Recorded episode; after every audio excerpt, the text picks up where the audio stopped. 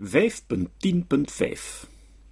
Van applicaties naar confirmaties. In zijn artikel Psychoanalysis as Science probeert de Freudiaan Norman Holland de fundamentele contaminatie door suggestie en het zelfbevestigende karakter van de psychoanalyse te verhelpen. De uitweg die Holland gevonden heeft uit de psychoanalytische kernimpasse is die van de holistische methode. Holistic researchers need to keep their minds as free of theory as possible when gathering data. This is not easy, but it is possible.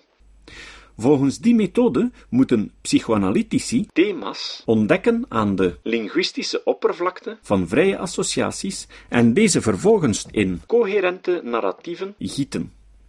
Net zoals Richard Wolheim en Thomas Nagel meent Holland dat de psychoanalyticus generalisaties kan maken door te onderzoeken of een bepaalde hypothese toepasbaar is op andere gevallen. A researcher could go from one unique case to another by learning questions to apply to this kind of unique case. Interessant is dat Holland uitgerekend Freuds ontdekking van het Oedipuscomplex aanhaalt als stichtend voorbeeld voor zijn holistische werkwijze. In zijn heroïsche zelfanalyse had Freud herinneringen opgediept van een treinreis met zijn moeder die lang genoeg duurde om ervan uit te gaan dat hij haar naakte lichaam zou kunnen aanschouwd hebben en dat hij daarbij zou seksuele opwinding gevoeld hebben. Freud concludeerde uit zijn zelfanalyse dat hij als kind zijn vader wou vermoorden en de liefde wou bedrijven met zijn moeder.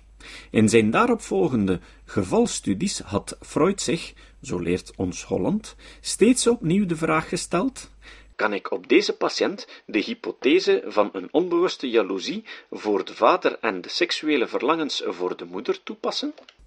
De rest is geschiedenis. Keer op keer slaagde Freud erin om deze oedipale verlangens, het zij manifest, het zij verdrongen, bij zijn patiënten terug te vinden. Als we nu weten dat er vandaag geen greintje wetenschappelijke evidentie is voor de hypothese van het universele Oedipuscomplex als kenterpunt in de mentale ontwikkeling, en als we de conclusies willen vermijden dat Freud een leugenaar was, hoe moeten we dan verklaren dat hij al die ideeën jarenlang met robuust zelfvertrouwen heeft verkondigd? Zou het niet eenvoudigweg kunnen dat hij zichzelf een methodologisch rad voor de ogen heeft gedraaid?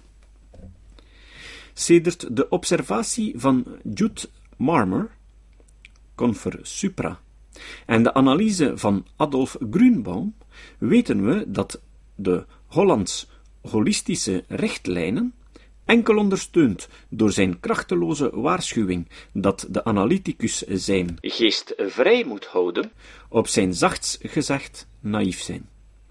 In feite is het holisme van Holland niet meer dan een variatie op Freuds gekende dictum dat applications of psychoanalysis are always confirmations of it as well. Het is bijzonder onwaarschijnlijk dat deze zelfingenomen methode de productie van onafhankelijk en scrupuleuze waarnemingen bevordert.